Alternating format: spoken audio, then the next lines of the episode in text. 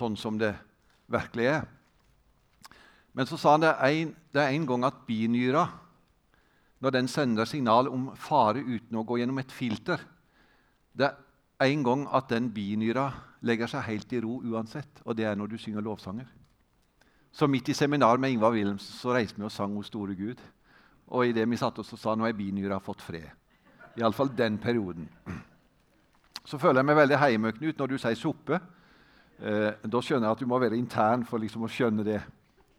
Men eh, jeg håper at de fleste skjønner dialekten min, og nå skal jeg prøve å få dette her til å, å virke. Ole Ingvald, ja, da skal jeg styre etter hvert. Men temaet er det er typisk Jesus, og det er typisk Jesus å være trofast eller trufast. Er det ikke typisk også å være trufaste? At du holder ord. Det du har sagt, det står du ved. Det Er ikke typisk? Jeg gjør akkurat det som jeg sier, og jeg svikter aldri. Er ikke det godt å høre? At du er sånn? Du kan stole på meg 100% Ikke ta det ille opp, politikere, men politikerne sier det skal vi gjøre. sier de. Det skal vi gjennomføre i neste periode. Og Så er det fire års sjekk, og så sier en ja. Det er ektepar som vies, og jeg er via ganske mange, og de sier 'for evig din'. Alltid.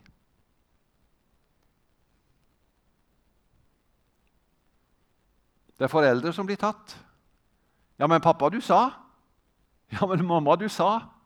Du sa jo du skulle det. Vi skulle dit. Så ble det ikke sånn. Og Jeg er gift med ei som av og til sier når vi står opp i dag, skal vi ha det til middag. Og så neste, når vi kommer til middagen, så er det noe helt annet enn det som hun sa. Og da blir jeg så skuffa. Spesielt hvis du eh, switcher fra kjøtt til fisk. Jeg får bare beklage det. Og så er det sant, pastorer de sier mange ting. Og det holder ikke alltid, de heller. Eh, jeg sendte en melding til nevøen min Trygve i sommer, for han sendte et bilde av et klesstativ som jeg har på Kjønfoss. Jeg er ingen snekker, men jeg snekrer. Og så hadde jeg laga et klesstativ som han syntes var så fint. og Jeg kom akkurat på når jeg skulle forberede til denne prekenen, at ja, jeg skrev en melding til han i sommer, i juni, tenker jeg. Så skrev jeg at eh, jeg kan ikke gjøre det nå, men litt utpå sommeren så skal du få det. Jeg vet ikke om du syns det er langt på sommeren nå, men jeg har ikke gjort det. Det er litt typisk. Jeg skulle ikke så gjerne ha gitt oss som mennesker 100% trofasthet. Tenk om vi gjorde det vi sa. Tenk om vi var sånn. 100 Og For ikke å snakke om så, så livet vårt kan virke veldig trofast. Men tenk nå på tankens trofasthet.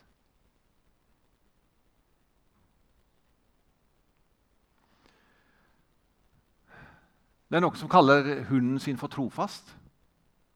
Og så kaller de det menneskets beste venn. Det syns jeg er for å si, nivellere det ned på et nivå som ikke jeg skjønner.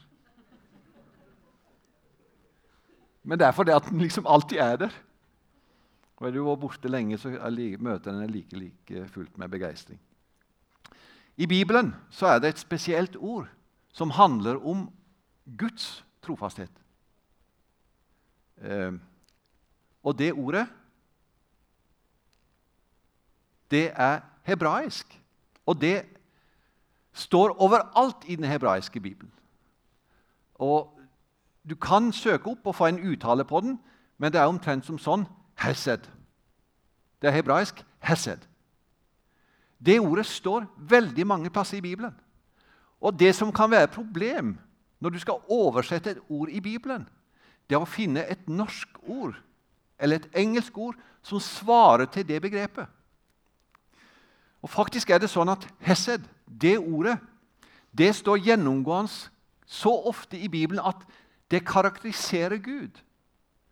Så folket Israel i alle tider de skjønte at er det noe som kjennetegner Gud, så er det at han er hesed.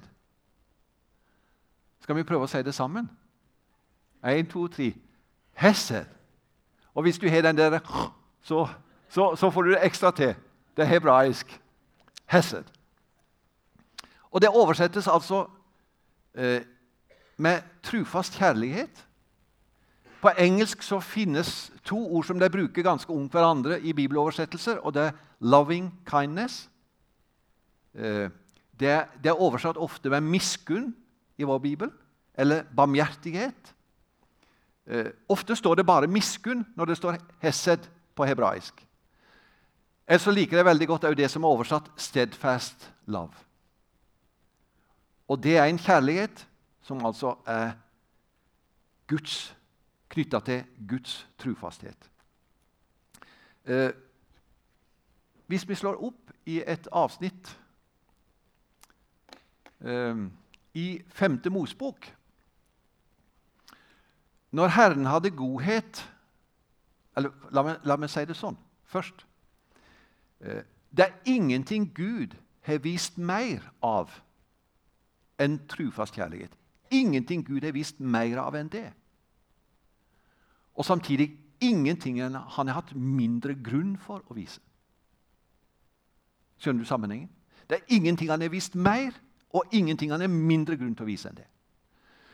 Når Herren hadde godhet for dere og valgte dere ut, var det ikke fordi dere var større enn alle andre folk, for dere er det minste av alle folkene. Ta analogien til det vesle landet som vi ser på kartet nesten daglig nå. Men fordi Herren elsket dere og ville holde eden han hadde sverget for deres fedre, les Abraham spesielt. Førte dere ut med sterk hånd. Han fridde deg ut fra slavehuset, fra faraos, egypterkongens hånd.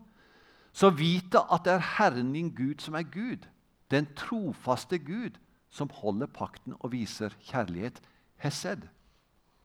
I tusen ledd mot dem som elsker ham og holder hans bud. Vi er midt i en konflikt i Israel. Og det er mange i, i verden som er opptatt, spesielt evangelikale kristne, er opptatt av Guds plan og Israel. Og Nå har jeg lyst til å si noe som, eh, som er viktig for meg å si. Bibelen fokuserer ikke på Guds geografi, men på Guds trofasthet. Det handler ikke om landegrenser for Gud, men det handler om et folk han skal være trofast mot. Og alle folk. Guds trofasthet gjelder alle folk. Så jeg har lyst til å si stol ikke på Nato. Stol ikke på Israels mektige hær. Regn med Guds trofasthet. Og det vi skal holde fast, det er at Gud har hesed med sitt folk. Og Jeg sier som min gode venn Samuel oppe i Haifa sier, at når Gud er trofast med sitt folk, så kan jeg stole på det like så vel som jeg kan stole på at han er trofast imot meg. Men det handler ikke om geografi, men det handler om at han er trofast mot sitt folk. Og så la oss si han elsker alle mennesker. Det er viktig at oss sitter her og sier Gud elsker palestinere og arabere. Han elsker jøder, og han elsker vegårshenger. Gud elsker alle. Og han vil være trofast i sin kjærlighet. Det er loving kindness. Den er øm. Guds kjærlighet i trofastheten, den er øm. Den er mild. Det er ofte bilder av det som en mor, som en far. Ømheten er Guds trofaste kjærlighet. Og så er den steadfast. Den er sterk, den er stødig. Den er ikke følelsesmessig bestemt av et apparat opp og ned i følelseslivet. Og så er det én plass i Bibelen at Guds trofasthet er mest omtalt, og det er i salmene. Hvis du, hvis du leser salmene, så, så, kommer du over dette ordet miskunn godhet. Du finner det overalt. Og det er hesed. Guds trofaste kjærlighet. Steadfast love. Eh, og da kan, kan, jeg jo spørre hva er det vi tenker mest på når vi er sammen her? Hva er det vi tenker mest på når vi er sammen til gudstjeneste? Hva er det som er mest fokus? Det som er tydelig i Salmenes bok, det som er mest fokus når de kommer sammen, det er at de fokuserer på Guds egenskaper. Ikke først og fremst på sine følelser, ikke først og fremst på sin situasjon, men på den Gud er, og det Gud vil og viser. Og Så står det i Salme 48, vers 10.: I ditt tempel, Gud, tenker vi på din miskunn, Hesed. Det er det vi tenker på. Så god Gud er. Han svikter ikke. Han viser sin kjærlighet trufast til oss. For en nåde det er. Hva er det som er vår redning og frelse? Neste bilde. Salme 85, vers 11. Miskunn og sannhet skal møte hverandre, rettferd og fred skal kysse hverandre. Hesed. Det er når trufasthet og kjærlighet møter hverandre, at livet blir godt. Det er slik mennesket møtte Jesus. Rettferd og fred skal kysse hverandre. Og for å være inne i bildet et kyss er det sterkeste tegnet på kjærlighet. Jeg uttrykker det så sterkt. Og når Gud lander i denne verden gjennom Jesus, så kysser han denne jorda med Hesed. Og de som møter Jesus, de møter Gud i Jesu ansikt. Og så ser de nå er himmelen kyssa jorda. Et vakrere bilde kan det ikke bli. Gud elsker denne verden. Han viser det gjennom Jesus. Rettferd og fred, Hesed, trofast kjærlighet. Nå kommer han til en troløs verden. Nå kommer han inn i denne verden som er splitta og splintra og ødelagt. Og så kommer han for å kysse den med rettferd og fred. Med miskunn og sannhet. Hesed. Gud svikter ikke i denne verden. Han går imellom oss. Og Hvis det er ett budskap som gjelder på Vegårshei, imellom naboer, i ekteskap, imellom venner, i menigheten, så er det at miskunn og sannhet skal møte hverandre. Rettferd og fred skal kysse hverandre. Hils hverandre med et hellig kyss, står det. Og Det var en eldre i menigheten her som heter Peter Aas. Han var trufast i menigheten. Han var en av de trufaste. Han gikk om det var barnesamlinger eller om det var voksensamlinger, så satt Peter der. Og Så hadde jeg undervisning en kveld, og så leste jeg fra første, eller i Korinterbrevet der det står Hils hverandre med et hellig kyss. Og jeg sa ingenting om det. Selvfølgelig, Hvordan skal en predikant snakke om det? Og Da kom Peter stille fram til meg og så sier han, 'Du sa ingenting om et hellig kyss, Arvid.' 'Hva mener du med det?' og da sa jeg, 'Jeg vet ikke.' Jeg vet rett og slett ikke hvorfor det står sånn. Men jeg vet bare at Jesus kommer og vil at det skal forenes. Miskunn og sannhet, rettferd og fred skal kysse hverandre. Da blir det vakkert i denne verden, og da blir det vakkert i menigheten når Jesus kommer mellom oss og fører oss sammen i miskunn og sannhet, rettferd og fred. Det er slik himmelen stiger ned, og det er slik det merkes når han kommer. Da helbredes og gjenopprettes dårlige forhold. Da forenes mennesker som ikke før var forena. Da flyter det av tilgivelse og nåde. Det er typisk Jesus å lage et sånt miljø. Og Hvis en menighet skal finnes i denne verden, så er det ikke et sosialt prosjekt, det er heller ikke et sosialiseringsprosjekt. Men det er rett og slett et nådefellesskap som viser Hesed, Guds trufaste kjærlighet, blant oss troløse. Og så får vi tilbake, eller inn litt i vårt liv. Og Hvis du tar neste bilde Jesus har en trofast kjærlighet. Han elsker sjøl når vi svikter. Han viser en trufasthet tross våre svik. Og En av de sterkeste historiene i Bibelen For det som var problemet når du leser gjennom Bibelen Og det er ikke alle som har gjort det. Men hvis du leser gjennom Bibelen, så kan du ha, du kan ha mange blikk når du leser Bibelen, men du kan ha ett blikk for eksempel, som ser på, som er veldig tydelig, at Gud velger seg ut et folk. Han gir det alle sine velsignelser og gode og løfter. Det er helt fantastisk, det Gud gir. Og så står det at det folket som han gir alle sine goder, og som han velsigner, det folket begynner å se i andre retninger. De begynner å navigere ut ifra en annen, annen, måte å tenke på. Og De har lyst til andre ting. De tenker ikke på Gud lenger. Og til slutt så glemmer de Gud. Og inn i den situasjonen da folket blir troløst, så er det at Gud sender profeter. Og en av de sterkeste profetene, som er på ca. 700 år før Kristus Det er ganske dramatisk tid for Israel. Da sender han en profet som heter Hosea. Og historien som Hosea har, den er så voldsom at jeg nesten ikke kan lese den. Og du som leser Bibelen og syns Bibelen er kjedelig, du har bare ikke lest den. Du har bare ikke lest den. For når du leser den, så sjokkes du av ord og begreper og av bilder. Og da er det sånn at jeg, jeg, rives opp av ord som skrives. For eksempel så starter Hosea med å si rett ut Og nå er det ikke så mange barn her. For landet horer seg bort fra Herren. For landet horer seg bort fra Herren. Det er, det er rett ut språk. Det er ikke noe, det er ikke noe sånn uh, snikksnakk. Men det, det, det, hore, det, det ligger med alle andre. Ja, Til og med så står det at de hadde så lettvint med å forlate Gud at de elska rosinkaker. De elska sjokoladekaker i stedet for Gud. Det er helt ufattelig. Men så lite skal til for at vi skal svikte. Det er så lite vi skal smake på av og til for å kjenne at 'det har jeg lyst på', og så går jeg heller dit.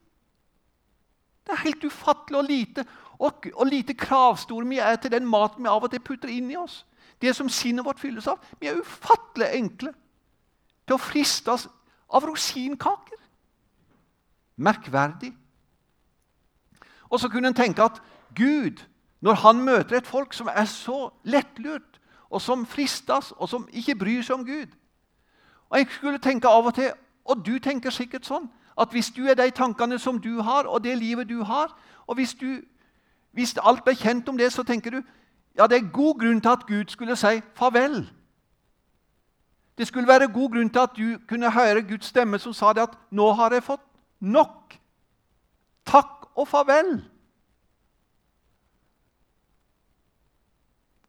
Og så står det om Hosea at han viser hvordan Gud springer etter deg for å si 'Jeg vil ha deg inn igjen'. Du har svikta, men jeg svikter ikke. Du har sprunget bort, men jeg springer etter deg. Og du som sitter her og kanskje har sprunget bort og springer bort Du er en som springer etter deg, en som vil ha deg, en som vil dra deg inn igjen. Ja, men Det er jo ingen grunn hos meg til at han skulle springe etter meg. Jeg er jo vært så troløs. Jeg har gjort det, og jeg har sagt det, og jeg er sånn. Ja, sier Gud. Alt det vet er mye bedre enn det du vet. Men Gud er den som springer etter. Hør når Hosea sier i kapittel 11.: Men jo mer jeg ropte på dem, desto mer gikk de bort fra meg. Det er sant om mange vegårsenger. Gud roper, men til mer han roper, til lengre bort går de.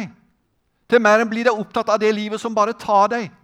Lyst og begjær, eller bare lysten til å leve sitt eget liv.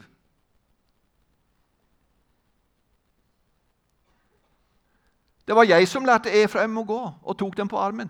Men de, men de skjønte ikke at jeg helbredet dem. Jeg dro dem med menneskebånd, ja, med kjærlighetstau. Det var akkurat som Gud kasta lasso på deg og ville ha det inn igjen med kjærlighetstau. Det er som far som ser barnet sitt bli ødelagt, og som ikke kan gi det opp. Og Da er det at det står hvordan Gud drives av smerten ved at mennesker er blitt svikefulle og troløse, åssen Guds hjerte vrir seg av smerte. Hosea kapittel 11 og vers 8. Hvordan kan jeg oppgi deg, Efraim? Overgi deg, Israel? Hvordan kan jeg oppgi deg? Hjertet i meg vender seg. All min medlidenhet våkner.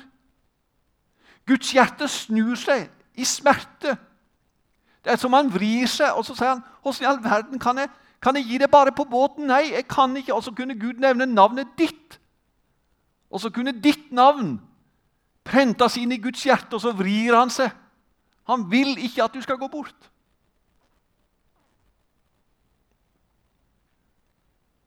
Jeg vil ikke følge min brennende vrede. Ikke ødelegge Efraim en gang til. For jeg er Gud og ikke et menneske. Han er ikke som oss. Det er typisk Jesus, typisk Gud, å være hesed. Å være trofast i kjærlighet. Loving kindness. Steadfast love. Det er sånn Gud er. Så hadde Jesus hatt tre år med disippelflokken. Og det var litt av en gjeng. Den ligner akkurat på Vegårshenger. Opp og ned. Du har av og til noen åndelige oppturer. Og du er på tabor, og du har det bra, og du synger lovsanger, og du er med i menigheten, og du syns livet er bra. Og så skjer det ting i livet ditt, og så kommer du i nedtur. Sånn disippelflokken gjorde. Noen kom litt på avstand. Noen begynte å diskutere ting. Noen ble uvenner. Siste kvelden Jesus er sammen med deg, siste kvelden, så kunne en tenke at Jesus hadde hatt en liten leksjon med den gjengen og sagt Hør her, gutter. Jeg må visst begynne på nytt. Jeg, jeg, jeg må ta en annen gjeng. Det sier han ikke. Vet du hva Jesus sier? Han er Hesed. Jesus er Hesed. I Johannes evangel kapittel 13 vers 1. Han hadde elsket sine egne som var i verden. Og så kommer det en merkelig setning. Og han hadde elsket dem helt til det siste. Vet du hvor lenge han elsker? Så lenge det er mulig å elske. På tross av. Og når Judas kom i hagen noen timer seinere, så møter ikke Jesus Judas og sier 'din forræder'. Det er et program på TV som heter 'Din forræder' eller 'Forræder'. Det er ganske forferdelige ord. Men det kunne Jesus ha sagt. Din forræder. Din sleiping. Og så sier Jesus, 'Venn, venn, hvorfor er du her?' Skjønte du ikke at min kjærlighet var der når du svikta? Du kunne komme. Og jeg skal ikke rehabilitere Judas. Det kan jeg for lite om. Men jeg vet at han er her med Hesed. Så den som er svikta Guds hjerte vender seg i deg, i seg og sier han vil ha deg inn igjen. Det er typisk Jesus. Det neste bildet. Jesus er en trufast venn. Han er alltid med oss. Noe av det fineste vi har, det er, det er venner. Vi var sammen med noen i går kveld på countrykonsert. Det var en opplevelse. kan de kan tro. I Grimstad, i Nordmisjonshallen. Det er fint med sånne venner vi har. Og jeg regner dem for trofaste venner. Og En venn elsker alt, og en bror føres til hjelp i nød, sier kong Salomo. Det er fantastisk med vennskap. Og mange av dere er gode venner. Jeg håper ikke at du har noen uvenner.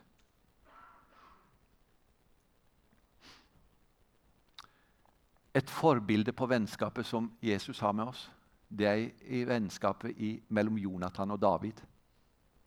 Og Der, er, der står det noen sterke uttrykk hvordan de inngår et vennskap. Hvis du leser i 1. Samuels bok fra kapittel 18, så les noen kapittel ut der om vennskap mellom Jonathan og David. Det er fantastisk. Og Det står faktisk at Jonathan han hadde David mer kjær enn sitt eget liv. Og det beviste han ved å være en våpendrager for han, en som hjalp han.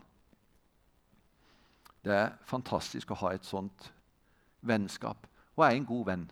Hvordan vil du karakterisere en god venn? En trofast venn? En trofast venn er med deg i oppturer. Du er god opplevelse med en god venn. Men hvis du er en skikkelig god venn og, og, og det som Egil Svartdal sa, vi hørte på han her på onsdagskvelden, så sier Egil Svartdal det at en god venn han sier akkurat ting til deg. Hvis du er en busemann i, i Nåsa, så sier han det. Og hvis smekken er åpen, så sier han det. Han er liksom en, en som sier til deg akkurat sånn som det er. Uh, men jeg regner ikke ak akkurat at det er det viktigste med vennskap. At jeg sier at jeg har det sånn eller sånn. Men uh, en, en, god venn er med deg i nedturer.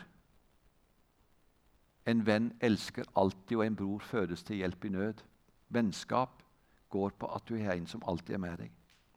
Og Det som er mest interessant med Jonathan, han var en sånn venn som var trofast, selv om han stadig fikk innspill på å ikke være det. En som prøvde å lage fiendskap mellom han og David. Men Jonathan han sto ved sitt vennskap, selv om det var faren som sto etter David, kong Saul. Den historien må du lese, for den er ganske fantastisk. Og Så står det noe veldig fint om den vennen som Jonathan var. Eh, David han, han, han var skikkelig langt nede. Han var deprimert, og han hadde mista motet. David så ikke noe løsning. Eh, du har det sånn av og til. Eh, du har noen nedturer. Og jeg vet ikke åssen du kommer deg opp. Jeg vet ikke åssen du kommer ut av gjørma, åssen du får nytt mot, og som du tenker at 'nå skal jeg gi på igjen'. Eh, hvis du er et normalt menneske, så, så har du sånne turer.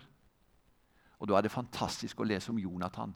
Nå skal du høre hvordan det står om Jonathan som en god venn. Han kommer til David en dag, og så sier han til David Jonathan hjalp ham å hente nytt mot hos Gud. Jonathan hjalp ham å hente nytt mot hos Gud. Jeg har noen sånne i livet mitt som hjelper meg til å hente nytt mot hos Gud. Og jeg trenger et vennskap i denne verden av mennesker som bryr seg nok om meg til å hjelpe meg når jeg har nedturer. Solskinnsdagen skal jeg klare godt sjøl. De mørke dagene er tøffe. Når diagnosen kommer med en alvorlig sykdom, når dødsfallet inntreffer, når skilsmisse er der, når økonomiske vanskeligheter møter deg, da er det noen venner. Og så kan jeg si hvilken venn vi har i Jesus. Alt han vet, og alt formår. Tyngste byrde han oss letter når i bønn til ham vi går. Ingen venn som Jesus. Og han er alltid med. Og jeg glemmer ikke her på forsamlingshuset når vi hadde besøk av Edin Løvaas. Og han var den bønna som han ber hver dag, eller som han ba hver dag. Og da sier han det er fantastisk, Jesus. Du står her foran meg. Jesus, du er bak meg. Jesus, du er på venstre side. Du er på høyre side. Du er over meg, Jesus, og du er under meg. For en venn. Og så det siste. Jesus, den trofaste frelser, han gir den troløse en ny start. For en kristen er det jo opplagt at han ikke ønsker å synde. Men det å være en kristen handler ikke først og fremst om å ikke synde. Skjønner du? Det er viktig for en kristen å ikke synde. Men å være en kristen handler ikke om å ikke synde. Hvis det blir motivasjonen, så blir du en fariseer. Da har du satt noen grenser, og så tenker du at jeg skal leve innafor der'. Tenk om jeg hver dag våkner og så tenker jeg i forhold til Lilian at nå må jeg ikke gjøre noe som hun syns er galt. For et liv. Nei, Hvordan tenker jeg når jeg våkner? I dag skal vi ha en god dag sammen. I dag skal vi leve i et tett og nært forhold sammen. Jeg tenker jo ikke at jeg først og fremst skal unngå det som hun ikke liker. Men jeg ønsker å være et liv som gjør at det er godt å leve. Og sånn ønsker jeg i forhold til Jesus. Jeg ønsker virkelig å leve et godt liv. Og så vet jeg at syndefrihetslæren det er noen som har vært inne på det sporet. Og Det er veldig interessant i denne menigheten. Han Biskop Høk og det er en gammel historie som ikke alle dere vet, men biskop Høk han beskrev Guds menighetsfolk. Og blant annet så beskriver biskop Høk, og dette her er altså langt tilbake, over 100 år, så skriver biskop Høk at på Vegårshei, i disse dissenter i den dissente menigheten, så var det noen som hadde begynt å komme inn på dette med syndigfrihetslæren. Men da det viste seg at det var lettere å predike enn å praktisere, så døde det straks ut. Det var lettere at predike enn praktisere. Og det tenker jeg det er et godt spor å komme på. Men jeg kan si det å leve som en kristen det handler likevel om å være bånn ærlig med livet sitt. Det er å si til Jesus 'Jesus, hands up'. 'Jesus, Jeg ønsker å være et menneske som lever åpent med det. Og da vet jeg at det å være en kristen er å kunne få en ny start. Det å få ny tilgivelse og ny nåde. Og Det er to ord som er viktige å, å, å, skille i Bibelen, og det er fornektelse og troløshet. I 2. Timotus brev kapittel 2 vers 12 og 13 så står det Fornekter vi, skal han fornekte oss. Et menneske som sier på veien seg jeg vil ikke ha noe med Jesus å gjøre. Jeg vil ikke be om tilgivelse, jeg vil ikke be om nåde. Jeg vil ikke ha noe med det å gjøre. Da sier Jesus OK, du får det som du vil. Fornekter du, så fornekter han oss. Det går ikke an å være et menneske og si jeg vil ikke ha noe med Gud å gjøre, og så tvinger Gud seg inn. Det gjør ikke Gud. Og Den hellige ånd er en gentleman. Men så kommer det. Men er vi troløse, så er han troløs. Det står ikke. Men er vi troløse, så er han trofast. For han kan ikke fornekte seg selv. Hesed. Han kan ikke svikte selv om du er troløs. Sånn er Jesus. Og det går an å begynne på nytt. Og jeg vet ikke om det er en minnelse eller noe Gud vil. Men jeg har faktisk tenkt så stort om denne gudstjenesten at det kan være et menneske som begynner på nytt igjen. Det har jo ikke jeg peiling på. Jeg, er, jeg, jeg, ser ingenting. Jeg vet ikke annet enn det jeg ser på dere ytre sett. Men hvordan sinnet ditt er og livet ditt er, det vet jeg ikke. Om du sitter på galleriet. Jeg vet ikke. Men jeg vet bare at Gud er her med sin hesed, og han vil at den troløse skal få en ny start. Og Til slutt så skal jeg lese Helt til slutt skal vi lese et bibelord felles, men jeg skal lese en historie. Det tar ikke så mange minuttene. Men det er det siste jeg og det er om apostelen Johannes i, i eh, ikke, Det står altså ikke i, i, Bibelen, men det er en historie om Johannes apostelen som var sammen med Jesus. Historiske kilder hevder at Johannes levde til keiser Trajans tid, og at han en tid bodde i Efesos etter at han slapp løs fra forvisningen på Patmos. Clement i Alexandria fikk etter hva han selv forteller, høre denne historien om Johannes. Han sier at beretningen er en bevart sannhet om apostelen levert videre som et muntlig vitnesbyrd. I Efesos-tiden pleide Johannes ofte å reise rundt i distriktet, noen ganger for å utpeke nye menighetsledere, andre ganger for å kalle personer utpekt av Den hellige ånd. En gang var Johannes i en nærliggende by, som noen hevde var Smyrna. Der hadde han en samtale med brødrene.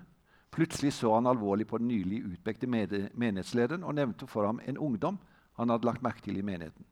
Den unge mannen var i god form, hadde et tiltalende utseende og, et, og en dannet og fin oppførsel.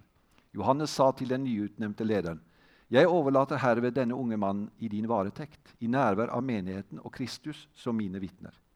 Da lederen aksepterte kallet og lovet å ta vare på ham, gjentok Johannes formaningen, oppfordringen, for annen gang. Johannes dro tilbake til Efesos, og menighetslederen tok den unge mannen som var overlatt til ham, med seg hjem til sitt eget hus. Der lærte han han opp i Guds ord, var mye sammen med ham, og fikk til slutt den store glede å kunne døpe ham. Etter dette slapp lederen av på sin omsorg og påpasselighet. Men den unge mannen tålte ennå ikke å stå alene, og ble snart ledet sørgelig på avveier av andre på sin alder, som han tilbrukte mye tid sammen med. Disse jevnaldrende var arbeidsledige, mismodige og levde et verslig liv. Først ble han dratt med på dyr underholdning, deretter tok de ham med når de dro ut for å stjele om nettene. Neste skritt var å ta, i, å ta del i mer alvorlige forbrytelser. Litt etter litt vandret han helt på deres veier. Og lik en sterk og egenrådig hest forlot han helt den sanne veien og ga all sin vitalitet og sitt intellekt til ondskap. Da han he hadde helt forlatt troen, begikk han ikke lenger bagatellmessige overtredelser, siden hans liv allerede var i ruiner, besluttet han å gjøre større og større forbrytelser og lide samme skjebne som sine nye venner. Han samlet dem alle og formet en bande av dem, hvor han selv var mesterjern, og han overgikk dem alle i vold, ondskap og blodtørstige handlinger. Tiden gikk, og pga. en nødvendig, nødvendighet som oppstod, ble Johannes på nytt bedt om å komme til menigheten i Smyrna. Da han var ferdig med de gjøremål han var invitert for, sa han, Kom, eldstebror, betal meg tilbake den talenten som Kristus og jeg overlot i din varetekt i nærvær av menigheten. Først ble menighetslederen forskrekket og trodde at han var blitt betrodd noen penger han ikke kunne huske å ha mottatt. Men da Johannes sa, 'Det er den unge mannen jeg spør etter', pustet lederen dypt og sa, 'Han er død'. Hvordan døde han? spurte Johannes fortvilet. Han er død for Gud, var svaret. Han endret seg til å bli helt gal på kort tid, og nå i stedet for å være i menigheten har han dratt til fjellene sammen med en bevæpnet bande som er lik han selv. Apostelen Johannes rev i stykker sin kjortel og jam jamret høyt. En fin vaktmann, ropte Johannes. Jeg overlot min bror i din varetekt. Fort, la meg få en hest, og send meg noen som kan vise vei. Deretter galopperte den gamle mannen av sted fra forsamlingshuset, kledd som han var. Da han ankom fjellene, ble han snart omringet av bandittenes utpost. Han prøvde ikke å rømme eller be om nåde, men ropte. Det var derfor jeg kom. Ta meg straks til lederen deres. Da de kom til leiren, sto den unge mannen der bevæpnet, men Johannes så at han ble gjenkjent. Fylt av skam prøvde den unge mannen å løpe vekk, men Johannes løp etter ham og ropte. Hvorfor løper du fra meg, barn? Fra din egen far? Jeg er en ubevæpnet gammel mann. Syns synd på meg, barn, ikke vær redd. Du har fremdeles håp for framtiden. Jeg vil be Kristus ta imot deg og tilgi deg. Du kan ennå gjøre opp din sak. Mens han fremdeles løp, ropte Johannes andpusten. Hvis det blir nødvendig, vil jeg med glede ta den dødsstraffen som venter deg, slik Jesus døde for oss alle. For å redde deg vil jeg gi mitt eget liv. Stopp tro! Kristus har sendt meg for å redde deg. Da den unge mannen hørte dette, klarte han ikke løpe lenger. Han stoppet og så ned i marken. Så kastet han våpenet, begynte å skjelve over hele kroppen og brast i bitter gråt. Da apostelen nådde fram til ham, slo han armene rundt ham. For annen gang ble denne unge mannen døpt, men denne gang i tårer. Johannes tok ham med tilbake til menigheten og ga de kristne der et fullkomment eksempel på gjenskapelse. Trofeet på en synlig oppstanden Kristus og hans makt til å frelse ethvert menneske fra synd og gjenskape ham i sitt bilde. Så leser vi sammen. Men dersom vi bekjenner våre synder, er Han trofast og rettferdig, så Han tilgir oss syndene og renser oss for all urett. Amen.